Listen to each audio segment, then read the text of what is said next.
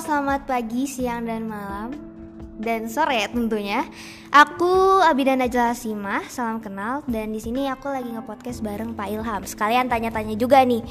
Um, gimana sih dari awal School Journal tuh dibikin sama um, cerita-cerita masa kecil Pak Ilham juga bisa? Oke, sekarang aku bakalan tanya. School Journal tuh udah dari kapan sih? Kalau untuk eskul jurnal sendiri, Bapak juga kurang tahu kapan adanya. Cuman waktu dulu Bapak zaman sekolah di sini 2010 sampai 2013 itu belum ada eskul jurnal. Ya, mungkin ketika Bapak 2016-an mungkin itu baru ada eskul jurnalistik. Nah, terus kemarin-kemarin waktu Bapak kebetulan Bapak e, baru masuk di SMP 13 itu tahun 2020 ya 2020 ajaran dari 2021 Nah, terus di tengah jalan Bapak teh ditunjuk secara nggak langsung gitu. Jadi langsung ditunjuk sama Bu Nenden buat jadi pelatih eskul jurnalistik. Nah, waktu itu Bapak teh bingung gitu harus digimanain eskul jurnalistik teh. Karena Bapak nggak nggak punya basic dan nggak tahu harus apa nggak tahu harus mau ngapain gitu. Terus udah kayak gitu uh, udah terus minta ke Bu Nenden sama ke anak OSIS yang waktu itu yang sekarang baru masuk SMA minta nama anak-anaknya. Ya nanti dikasih nanti dikasih. Ya ternyata sampai beres. Ya sampai beres semester baru ya yang sekarang naik ke kelas 9 yang nggak dikasih kasih gitu nama anak-anak anak, nama anak-anaknya.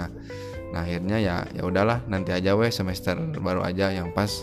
Sekarang kelas 7 masuk nah harusnya mah dari tahun kemarin udah ada cuman ya bapak nggak tahu si jurnalis itu mau digimanain dan harus digimanain. Terus karena bapak lihat cari-cari referensi di IG ada nemu eskul jurnalistik tapi cuman foto-foto aja. Dan di IG-nya cuman ada jurnalistik itu juga dipotong eh, jadi ada jadi 9 bagian. Jadi asa nggak enakan lah kalau kata bapak mah. Jadi pecah gitu fotonya. Nanti informasinya bakal kesebar. Terus nggak pernah puas sama sekali cuman ada SG satu pagi Kamis dingin atau apalah gitu. Dan isinya cuman update-update aja dan menurut bapak itu GJ nah dari situ bapak pikir bahwa eskul jurnal kalau cuman foto-foto aja mah nggak masuk nggak akan masuk gitu. Terus bapak cari tahu apa itu es jurnalistik nanya ke teman ke teman bapak. Ya ternyata jurnalistik itu sejenis wartawan dan segala macam. Akhirnya bapak mencoba mengamalkan bukan mengamalkan ya mempraktekkan ilmu selama bapak kuliah ya kebetulan waktu kuliah pernah menjadi ketua subidang kominfo atau humas publikasi. Pertama jadi sekretaris terus jadi ketuanya selama setahun jadi hampir dua tahun lah. Jadi bapak kiblat jurnalistik ya ke sana gitu buat jadi jadi selain cuman foto-foto ngedesain juga bikin konten juga gitu bikin berita. Jadi nggak cuman foto-foto aja. Paling segitulah gambarannya mah Terus um, kan jurnalistik itu sekarang udah mulai famous lah ya di 13. Nah, anak-anak jurnalistik tuh um, disuruh ngeide satu-satu atau mereka ngikut aja apa yang Bapak suruh gitu. Kalau di awal sih uh, mereka ada ide. Cuman setelah dipikir-pikir uh, terlalu banyak ya kalau anak dikasih kreativitas sama kalau sama kitanya nggak diarahin nanti bisi bisinya ke mana-mana. Jadi makanya dari sana sama bapak ditampung terus diseleksi. Ya kiranya e, mana yang bisa kalau istilahnya makanan yang bisa ditelaah bisa dimakan bisa ditelan sama anak-anak e, ukuran SMP yang kayak gimana. Setelah dipikir-pikir oh yang ini yang cocok. Yang waktu awal sih bapak kepikiran cuman buat berita aja terus awalnya sama bapak diarahin kita bikin berita. Terus nanti pengen ada uh, ngedit video dan segala macam. Pokoknya mah menyamain sama waktu bapak kuliah. Cuman bapak baru sadar di tengah jalan ternyata yang maju teh bukan bapak gitu. Harusnya mah anak-anak yang pengen maju teh bukan bapaknya sendiri. Jadi akhirnya bapak berpikir oh bapak teh terlalu memaksakan anak-anak dengan idenya bapak. Akhirnya seiring berjalannya waktu ya udahlah let let it flow aja gitu. Yang penting bapak ada ide sok coba ini jalan atau enggak. Ya, seenggaknya eh, bapak mengibaratkan suatu organisasi itu kayak laboratorium gitu ya. Yaitu entah itu mau gagal mau bagus ya nggak apa-apa. Daripada kita nggak coba sama sekali gitu. Kayak kemarin kan jurnal asalnya cuman bikin berita aja. Terus bapak waktu itu iseng ke anak jurnal yang berdua adalah namanya bisa nanti bocor adminnya. Coba kita bikin ini request lagu pas malam minggu karena kebetulan mereka orangnya kan capruk terus bisa di ya gabut juga jadi bisa dipekerjakan. Ya alhamdulillah ya rame juga gitu yang request lagu. Itu hampir dua minggu request lagu dulu setiap malam minggu. Terus diganti jadi malam malam Jumat yang horor juga lumayan rame. Terus bapak lagi lihat-lihat IG terus ngobrol-ngobrol mading oh ternyata ya ya dulu zamannya bapak itu masih ada salam-salam. Nah bapak teh iseng bikin salam-salam. Eh ternyata ya rame gitu. Itu yang jurnal face yang selalu kalian tunggu-tunggu gitu ya itu ya. ternyata rame. Terus pernah nyoba juga bibinggoan lah itu ya bapak. Gimana kalau bikin bingo? Sok aja cina. Terus ya setelah dicoba oh ternyata nggak rame. Oh berarti konten yang ini mah nggak nggak disukai sama anak-anak. Terus pernah juga bikin yang that gitu ya itu juga lumayan cuman gak serame sih titip salam. Akhirnya ya karena titip salam itu yang paling ramai jadi ya itu yang pasti bakal jadi program favoritnya jurnal terus mungkin sekarang karena ada podcast. Jadi nanti biar nggak nunggu-nunggu kapan salam titip salam titip salam ada podcastnya ada selingannya gitu. Jadi ya kalau pada dasarnya kalau kita nggak mencoba kita nggak iseng walaupun ada ide nih di kepala tapi nggak diturunin ya percuma aja gitu. Nah kata bapak mah salah ide itu mahal jadi kata bapak mah ide mah murah. Sebagus-bagusnya ide itu ide yang udah jalan baik itu gagal atau bagus itu yang namanya ide. Kalaupun idenya bagus tapi cuma di kepala aja nggak dipraktekkan ya itu mah bukan ide namanya gitu. Dah tugas yang beres mah eh tugas yang bagus mah tugas yang beres entah itu nilainya mau 100 mau 50 mau 20 kalau kata bapak tugas yang bagus itu tugas yang beres kalau tugas yang belum beres ya itu bukan tugas yang bagus kalau kata bapak. Apa yang bapak harapkan untuk jurnal ke depannya kalau buat jurnal sih bapak nggak muluk-muluk. Jadi yang terpenting sih eh, anak-anaknya bisa seenggaknya bap, eh, kan jurnal itu ya ekstrakurikuler. Jadi eh, seenggaknya yang berkaitan dengan jurnal di, di kegiatan sehari-hari di pelajaran ya bisa bermanfaat buat mereka. Ya contohnya misalnya kan di jurnal ada bikin berita. Terus di kelas 8 di Indonesia ada materi bikin berita. Ya seenggaknya dia punya poin lebih lah ketika disuruh nulis berita. Terus di bahasa Sunda juga ada warta nanti bikin berita. Ya seenggaknya lah hampir mirip-mirip sama. Terus ketika presentasi mungkin anak jurnal karena udah sering wawancara ya seenggaknya punya public speaking yang bagus lah. Bapak mah nggak muluk-muluk uh, yang penting si anak-anak uh, punya kelebihan lah dibanding anak-anak yang di kelasnya yang nggak yang nggak ikut eskul jurnal. Jadi bapak selalu mengharapkan bahwa eskul jurnal teh ke pembelajaran juga gitu. Terus ya pengen ya kalau bapak egois mah setelah bapak melihat uh, kan suka ada ngumpulin karya ya namanya teh narsis ngumpulin karya siswa. Di jurnal teh namanya aneh-aneh ya sama bapak ada bapak mau orangnya capruk jadi ada Tibra Tibra T 13 dalam berita yaitu ya beritanya. Terus ada Narsis ngumpulin karya siswa. Nah jadi setelah bapak melihat itu ternyata tulisan anak-anak 13 T pada bagus gitu ya. Tak pinginnya bapak egoisnya bapak gitu. Si jurnal teh bisa menerbitkan sebuah buku yang intinya mah antologi karya karya anak 13 ya untuk anak jurnal mah ya wajib lah gitunya jadi mengirimkan karyanya. Ya entah itu mau puisi entah itu mau cerpen atau kayak gimana. Jadi nanti ada antologi karya yang minimal. Untuk tahun sekarang mah ya satu aja dulu gitu. Nanti tahun ke depannya ya bisa aja uh, sama yang lain. Cuman ya biar ya daripada tugasnya cuman udah ngumpulin tugas gurunya tapi dibuang atau didiamin ya kita tampung aja gitu sama jurnal gitu kan kebanyakan anak-anak yang sekarang di SMP-nya pendiam nggak aktif tapi baru aktifnya waktu SMA kelihatan bakatnya. Ada yang SMP-nya aktif tapi SMA-nya nggak aktif. Nah kita eh, jurnal teh mencoba mengangkat ke sana gitu. Jadi anak-anak yang punya nih punya karya tapi nggak tahu wadahnya ke mana ya bisa ke jurnal gitu. Ya ada namanya narsis. Ya ingin yang dekat-dekat mah tahun sekarang kalau bisa mah bikin buku lah antologi karya karya anak 13 semua jadi kan wih keren gitu punya punya buku tapi bukan jurnal aja tapi ini membawa nama sekolah gitu cuman jurnal mah cuman buat ngumpulin aja sama menyeleksinya aja ya, paling gitulah kalau target dekat mah Oke baik, Bapak kan alumni Tilas kan ya? Nah apa sih masa-masa yang terindah di Tilas tuh? Apakah punya ada cinta monyet semacamnya kah? Kalau dulu jadi ini mah uh, dulu teh bapak teh nggak sengaja sekolah di 13 maaf ya bapak. bisa nggak sengaja gitu, Pak? Bapak tidak bisa berbahasa Indonesia yang baik dan benar. Jadi bukan warga negara yang baik bapak teh. Banyak kata teh tehnya ya karena orang Sunda. Jadi dulu nggak sengaja mau ke sekolah ke 13 tadinya bapak mau sekolahnya ke SMP 3 yang di Kebun Kalapa sama SMP 11 yang di dekat patung ikan di BKR. Kenapa mau ke sana? Soalnya dari dulu karena mungkin bapaknya bapak itu guru olahraga. Jadi dari kecilnya selalu suruh olahraga. Jadi ketika masuk sekolah bukannya yang pendidikannya bagus tapi nyari yang main bolanya bagus. Makanya bapak milihnya ke 11 sama ketiga. Cuman ketiga teh nggak jadi, jangan cina berisik soalnya dekat terminal terminal kebun kalapa banyak angkot terus pergaulannya juga.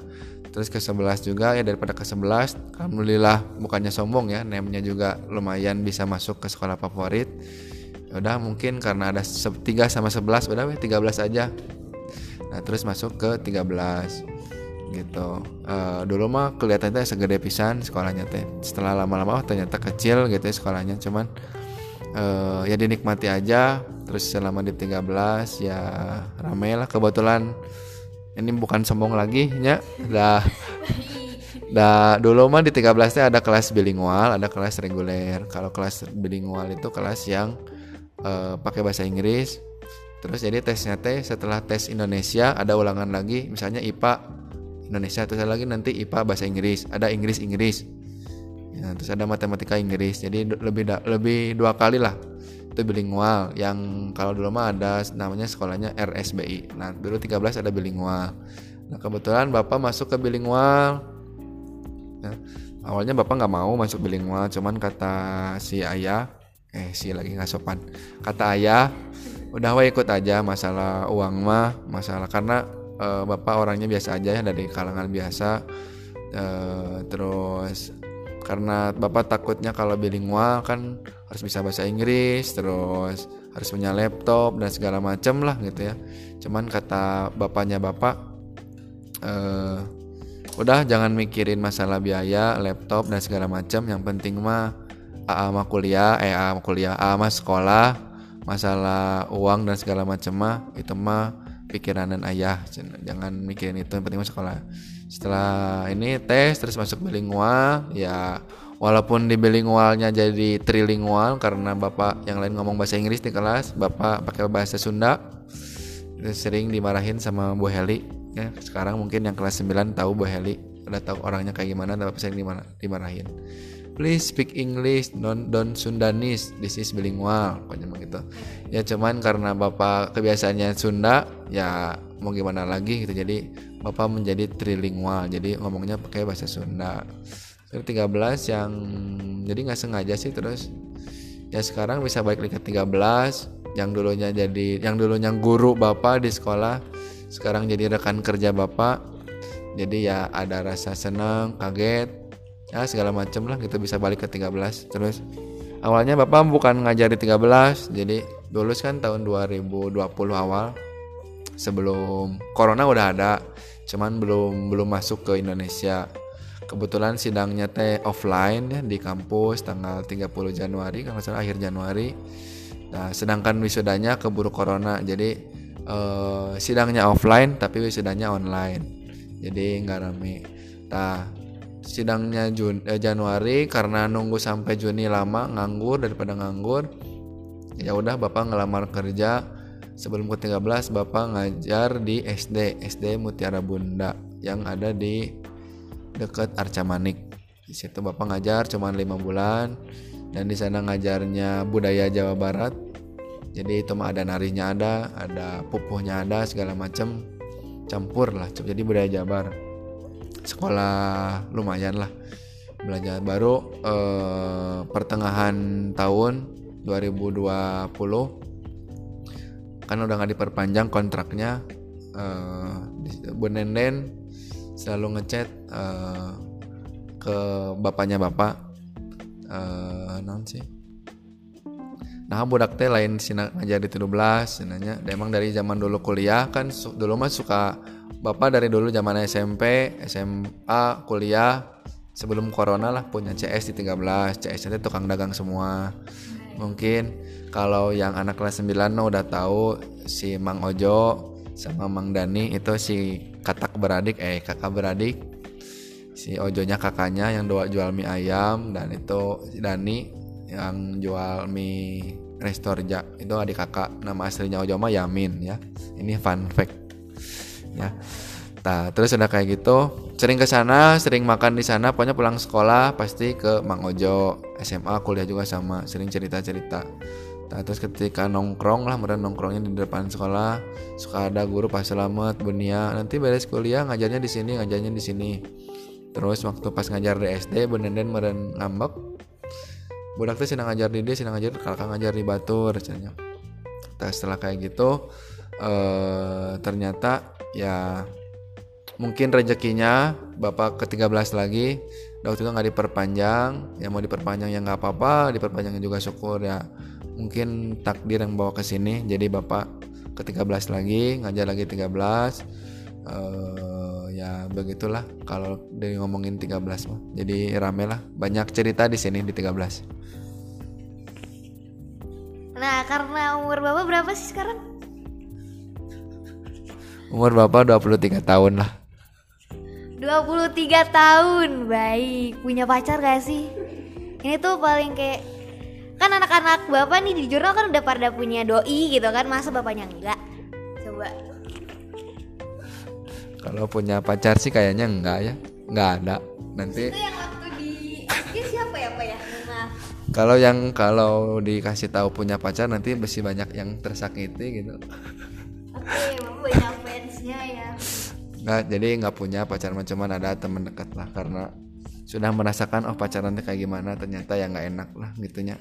Karena setelah berpikir jadi curhat masalah pacarnya. Jadi dulu zaman kuliah bapak teh termasuk orang yang bucin pisannya bucin teh budak cinta singkatannya. Jadi dari awal kuliah sampai udah beres mau lagi nyusun itu udahan. Jadi pacaran teh hampir tiga tahun lah sama orang itulah. Mau enggak? Hah? Tuh. Oh.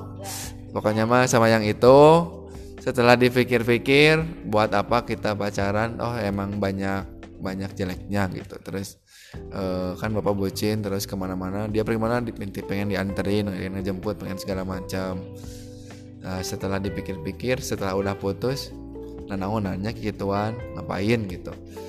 Terus eh, kalau ulang tahun misalnya baru enif berapa kali kasih eh kasih hadiah kasih hadiah setelah dipikir-pikir putus juga ngapain ngabisin uang buat orang yang belum pasti buat kita gitu.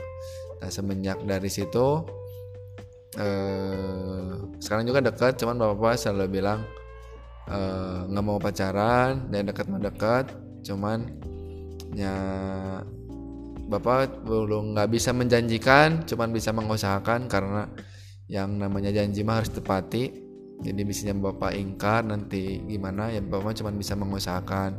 Ya kalau misalnya nanti kamu punya yang ada yang lebih serius dan lebih mapan daripada bapak ya sok aja gitu.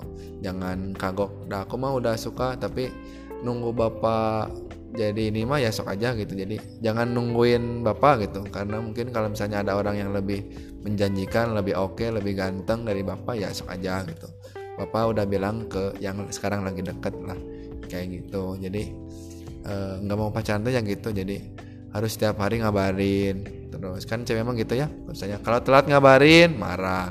Apalagi nggak ngabarin marah. Terus kalau misalnya kita ya si laki-laki teh kekeh gitu bahwa itu teh cewek yang salah.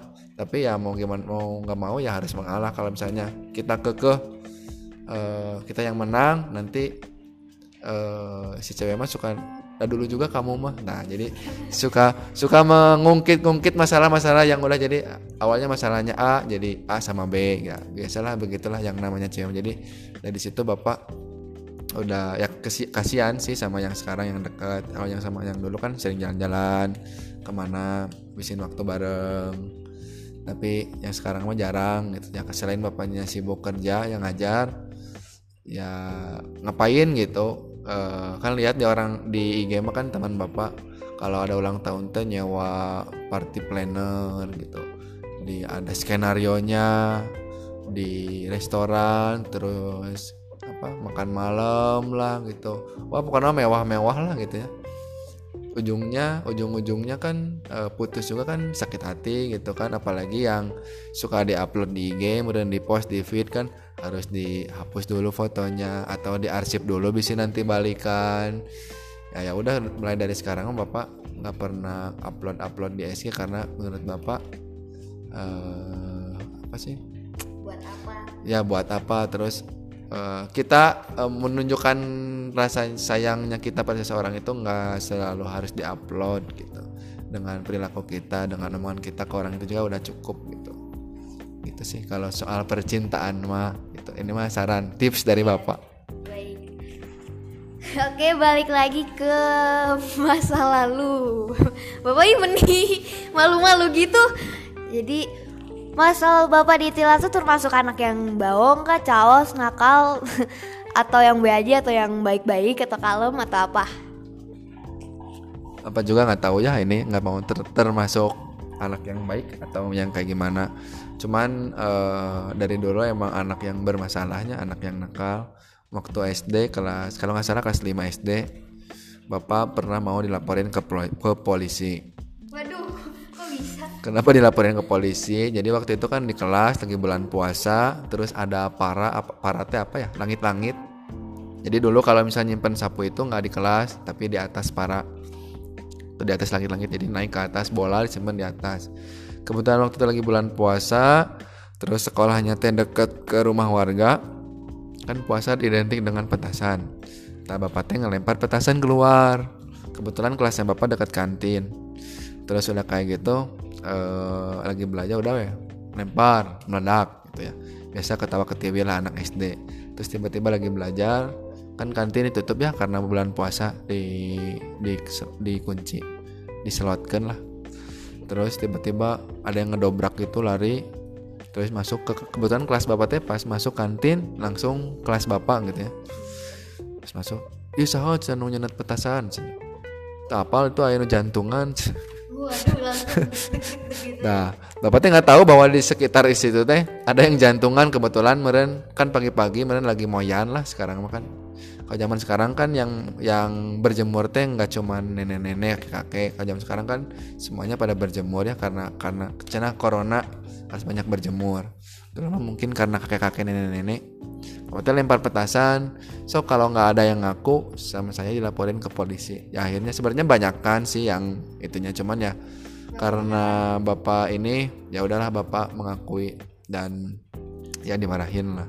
Itu waktu zaman SD terus waktu zaman SMP kebetulan dulu di apa sih pekerjaannya dulu mah main bola aja ya. Dulu mah masih boleh main bola di sekolah teh. Jadi nggak kayak sekarang kan nggak boleh main bola teh. Masih boleh main bola setiap pagi eh, langsung main bola di lapang nangkring di depan lapang. Kebetulan kelasnya bapak teh sekarang ditempatin sama kelas yang di bawah perpus teh 8B di situ yang dekat ke masjid. Di situ kelasnya. Jadi nongkrong di depan kelas main bola datang-datang ke kelas buka baju. Terus ya kipas-kipas. Kebetulan ada AC dulu kelasnya karena kelas bilingual. Ada AC kipas-kipas. Terus suka dimarahin sama Bu Nia sama Bu Erma. Nah apa gawe ente main bola wae cenanya. Udah apa nama lah. Nakal masuk. Terus waktu kelas 8 kalau nggak salah dulu bapak sempat dipercaya jadi wakil KM eh, terus bapak teh mabal sama KM nya juga. Pas pelajaran Pak Mehmet guru seni budaya. E, kenapa mabal? Karena waktu itu bapak nggak bawa recorder kalau nggak salah. Bawa recorder. Kalau nggak salah mabalnya teh lima orang atau enam orang. Lima orang termasuk bapak wakil KM dan KM-nya juga mabal. Terus mabal terus udah kayak gitu teh. Eh di meren karena di kelas nggak ada yang menyiapkan waktu Pak Mehmet masuk terus akhirnya meren ada yang ngelaporin ya ketahuan bap bapak teh mabal gitu. Terus bapak beralasan nyari argumen gitu ya. Bilangnya nemenin Bama ngaji gitu kan. Ada Bama teman bapak. Eh, emang dia baru belajar ngaji bilang suka belajar ngaji sama Bu Nenden. Bapak bilang pas waktu di kelas sama Pak Mehmet eh, lagi belajar ngaji ngantar Bama belajar ngaji ke Bu Nenden terus yang kedengeran belnya. Ya. padahal BLT keras gitu. Terus pas waktu biar percaya Pak Mehmetnya sebelum masuk kelas sama bapak dibasahin rambutnya biar kelihatan abis wudhu abis nemenin ngaji. Itu kenakalan pertama. Besoknya langsung dipecat jadi wakil KM dan KM juga dipecat jadi diganti KM-nya terus dulu juga pernah direkomendasikan jadi osis bapak sama wali kelas. Cuman bapak nggak tahu pikirannya bapak mana ya, jadi eh, yang ada di bayangan bapak nggak mau kalau jadi osis itu sibuk harus saya belum belajar belum ini nggak bisa main dan segala macam. Karena mungkin waktu itu bapak mindsetnya main main main bola main bola main bola main sama teman-teman. Ya buat apa berkegiatan buat apa ikut osis? Ya akhirnya bapak kan kalau ikut osis kan harus ada surat persetujuan dari orang tua. Nah, akhirnya bapak apa ya kong kali kong gitu lah ngobrol eh kerjasama sama orang tua sendiri sama si ayah. Udah jangan diizinin pura-pura jangan diizinin. Ya padahal mah si ayah ngizinin aja gitu. Kenapa nggak mau? Ya itu karena dulu mungkin mindset bapak pengen main pengen main. Ya ya udah. Padahal tidak semua orang bisa direkomendasikan oleh wali kelas untuk menjadi osis karena mungkin bapak nggak mau ya ya udah gitu. Itu waktu SMP terus termasuk orang yang nakal mungkin. Terus dulu Bu Erma ada tugas worksheet jadi ada LKS ngerjain tapi bapak nggak pernah ngerjain. Terus pernah juga waktu pelajaran Bu Erma kan suka ada jam kos nih kan jam pelajaran paling disukai sama anak-anak zaman sekarang kan jam kosong gitu. Gurunya nggak ada. Jadi gurunya sakitnya bukannya mendoakan tapi seneng. Gurunya rapatnya seneng. Pas pelajaran Bu Erma Bapak teh main poker sama anak-anak yang nakal lah main poker. Terus mainnya cuma berapa kali? Dua kali. Terus karena kebetulan waktu itu teh bapak teh kalah kan elegan lah ya mainnya teh elegan. Apa itu elegan? Eleganti jadi kalau ada yang kalah diganti. Kebetulan waktu itu bapak teh kalah jadi bapak diganti mainnya. Nah pas diganti baru aja mau ngocok. Kebetulannya waktu itu yang lagi main teh orang-orang pinter ya yang ranking satu dua teh orang-orang pinter baru masuk ke kelas langsung ketahuan marah. Eh siapa yang main kartu? Itu cenah, keluar cenah, pelajaran ibu? Padahal itu baru megang kartunya aja baru mau ngocok. Padahal yang pertama kali main kartu itu bapak sama teman-teman bapak yang nakal. Ya mungkin takdirnya bapak harus di kelas. Jadi yang dikeluarkan itu orang-orang yang pintar. Terus waktu SMP waktu pelajarannya Pak Meme kan suka beli suling. Suling ada yang gede ada yang kecil. Gitu sama-sama aja Nah, bapak teh karena orangnya teh aneh ya. Pulang selalu terakhir, terus suka ngecekan di kolong bisa nemu pulpen, nemu pensil, ada suling. Coba apa suka disimpan gitu ya. Terus dulu mah dari belakang teh di kelasnya ada locker kelas bapak mah. Jadi ada locker tah.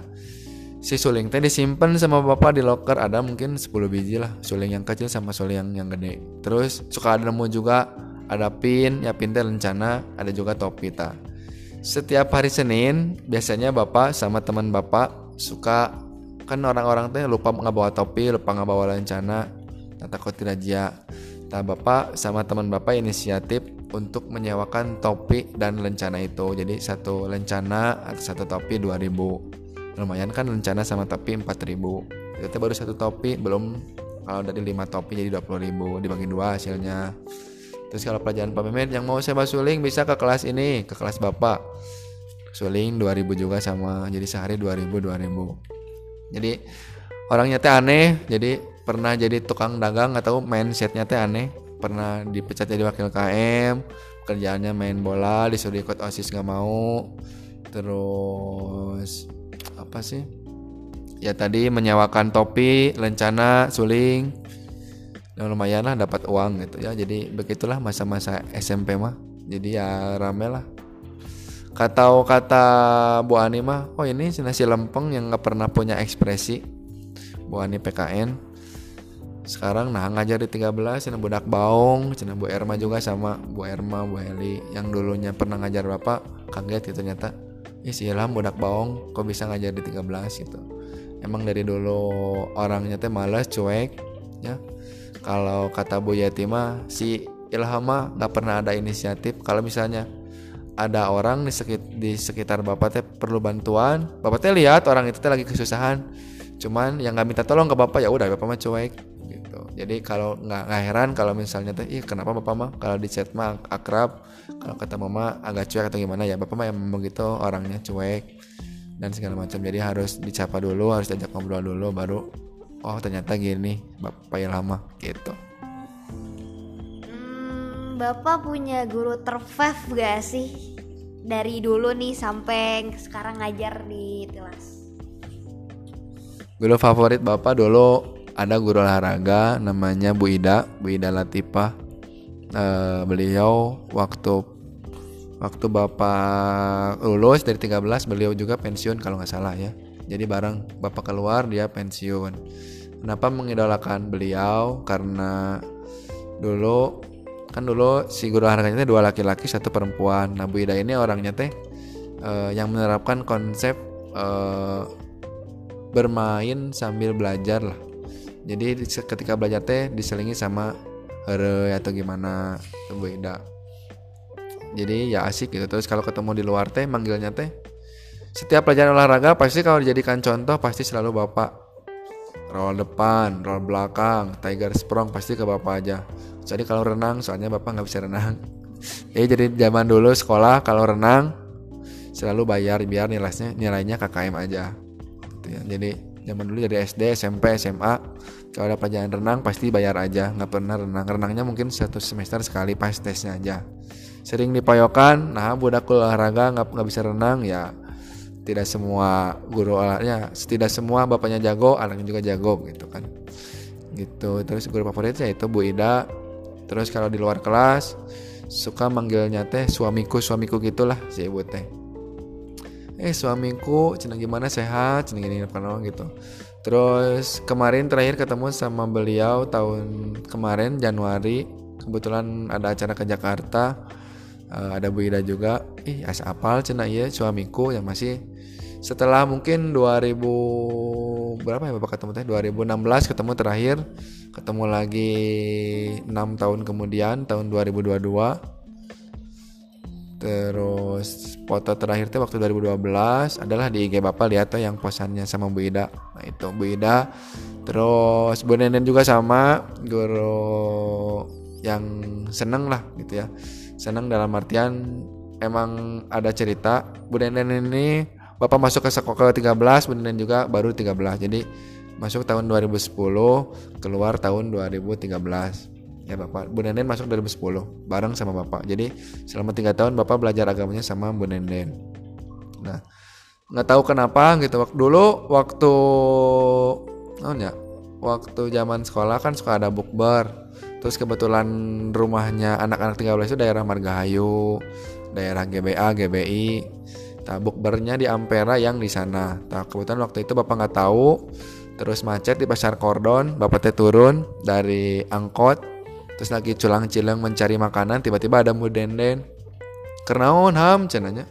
Lagi cari ampera ampera mana ini. Nah, oh itu mah jauh cina ayah naon gitu buka bersama sama kelas. Udah weh di bumi ibu ya buka bersamanya. Akhirnya buka bersamanya di rumah Bu Nenden kebetulan waktu itu Bu Nenden lagi syukuran beli mobil baru kalau nggak salah terus dekat sama Bu Nenden terus sama anaknya juga dekat terus pulangnya dianterin.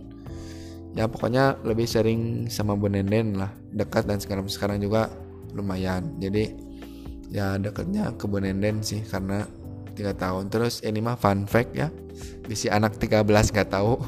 Jadi Bu Nenden itu uh, waktu angkatan bapak keluar Bu Nenden sempat mogok sekolah mogok ngajar di 13 nggak tahu kenapa mungkin merasa kehilangan uh, angkatan bapak keluar.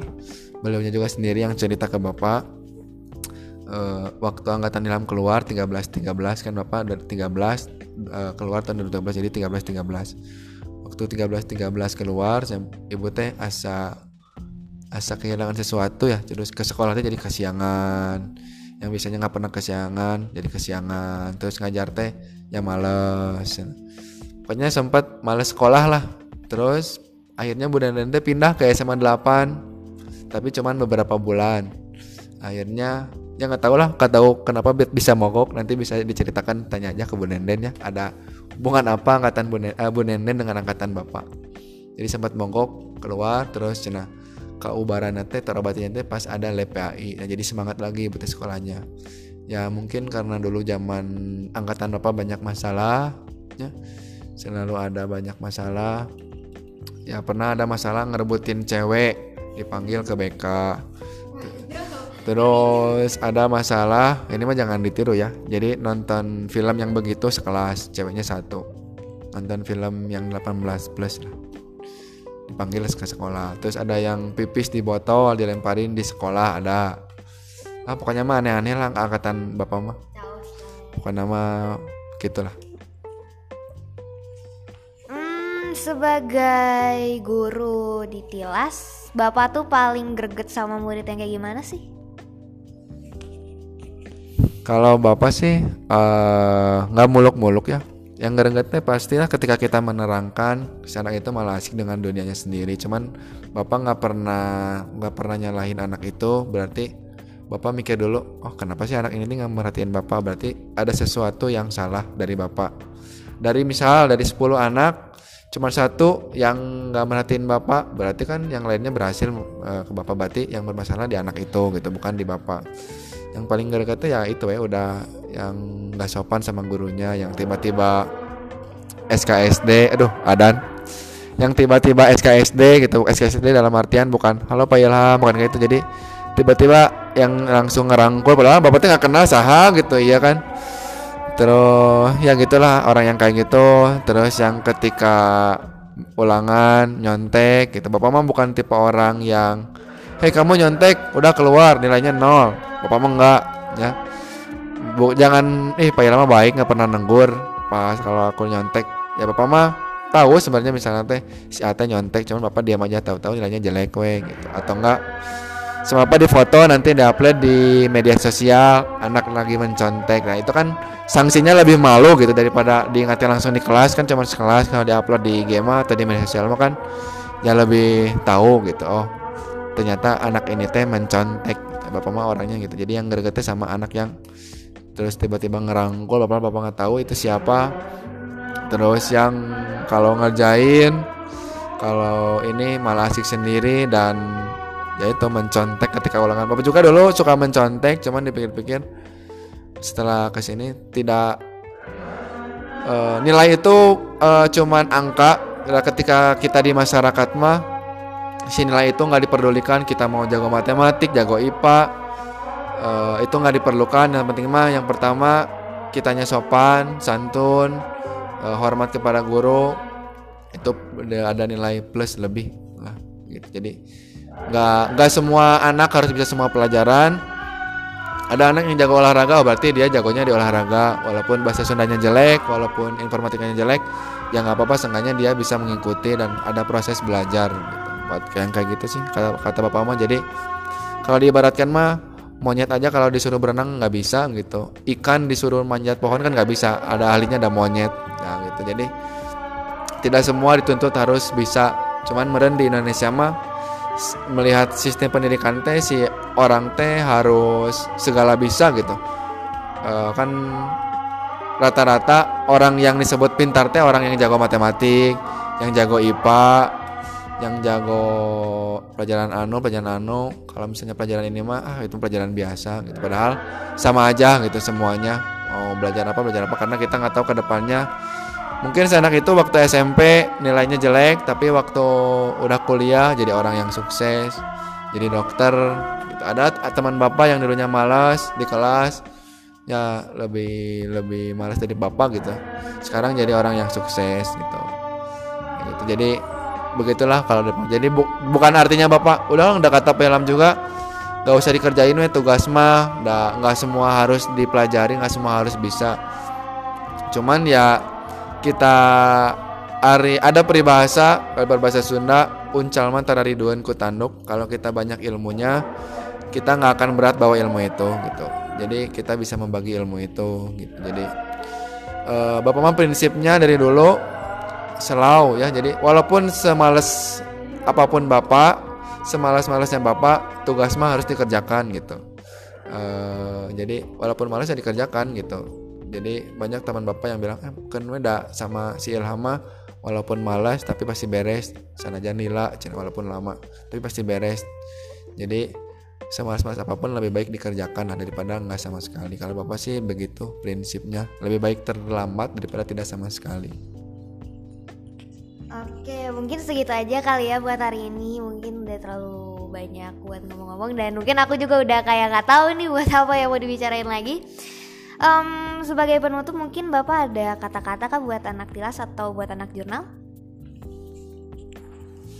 Kalau Bapak mungkin uh, yang tadi ya ketika ketika kita berorganisasi, ketika kita ada di suatu kelompok, jadikanlah organisasi itu sebagai sebuah laboratorium. Entah itu mau gagal, entah itu mau berhasil, seenggaknya kita harus mencoba gitu kita nggak akan tahu itu ilusi ketika kita eh, nggak uh, tahu ketika kita nggak pernah mencoba itu gitu. Jadi lebih baik mencoba daripada tidak sama sekali daripada nanti menyesal. Soalnya kalau misalnya nanti udah udah lulus misalnya ih menyesal dulu nggak pernah kayak gini. Ih dulu nggak pernah kayak gini. Terus buat yang kelas 9 mungkin nanti SMA di mana pun kalian SMA di mana pun kalian sekolah bukan sekolah yang membuat kalian sukses tapi kalian sendiri yang membuat sukses. Karena di Quran juga ada Allah tidak akan merubah nasib kaum seseorang jikalau kaum itu sendiri yang merubahnya. Jadi mau apa pun sekolahnya mau di SMA 8 mau di SMA 3 SMA 5 tapi kalian yang nggak mau maju nggak mau sukses ya percuma aja gitu. Bapak dulu SMA nya di SMA 4 yang SMA nya lumayan lah favorit uh, tapi nggak favorit SMA 8 SMA 3 apa mah orangnya tadi aneh ya. Kenapa pengennya ke SMA 4 padahal kalau ke SMA 8 juga cukup namanya cuman karena dipikir-pikir kalau bapak masuk ke SMA 8 nanti kakak kelasnya 13 lagi adik kelasnya 13 lagi teman seangkatannya 13 lagi. Jadi nggak nambah teman dengan nambah suasana baru. Cuman pindah gedung aja. Jadi makanya pindah ke SMA 4 Terus pesannya buat kelas 9 ya tadi di mana pun kalian sekolah ya manfaatkan sekolah tersebut. Kalianlah yang harus bisa berubah. Lebih baik kita jadi bintang di sekolah tersebut daripada kita jadi salah satu bintang di sekolah tersebut. Ya. Jadi mau di sekolah apa pun, di sekolah SMA 1, 2, 3, 4 sampai berapa kalau kita nggak mau maju ya percuma aja gitu. Nah, baik lagi kepada diri kita sendiri walaupun Pak Ilham misalnya gue di sekolah udah ngasih tahu bahasa Sundanya gue gini gini gini gini tapi karena kitanya menolak gitu ya udah gitu buat apa ada segala macam mah. Kalau kata mantannya bapak ya segala sesuatu itu adalah sugesti jadi sebaiklah sebaiknya kasih sugesti sugesti positif. Ya, emang benar gitu. Dulu bapak waktu main bola cuek ya main bola gitu. Padahal mah kepala teh bocor. Tapi ketika dipiriwit sama wasit Prit ke pinggir cina itu berdarah.